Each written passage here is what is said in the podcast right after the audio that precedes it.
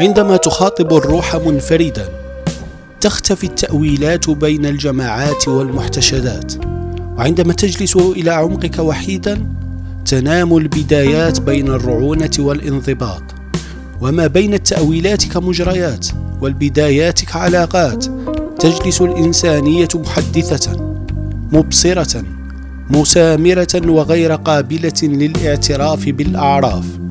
هنا يسأل الأسلوب بشقاء أين أنا وماذا أريد؟ هل أنا هو ما كتبوه لي؟ هل أنا ما أرادوه لا ما أريد؟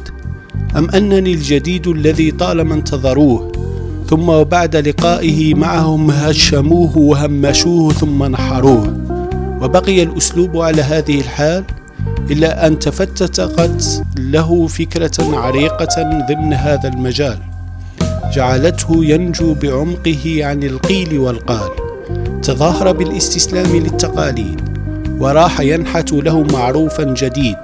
وبعد حين وأحيان صار الجديد من سالف الأزمان. صحيح أنه قد ابتعد خلال هذا عن الإنسان لكن مجاري الحروف بين الجهل لا تعتني بالمعنى كثيرا بقدر عنايتها بالبيان.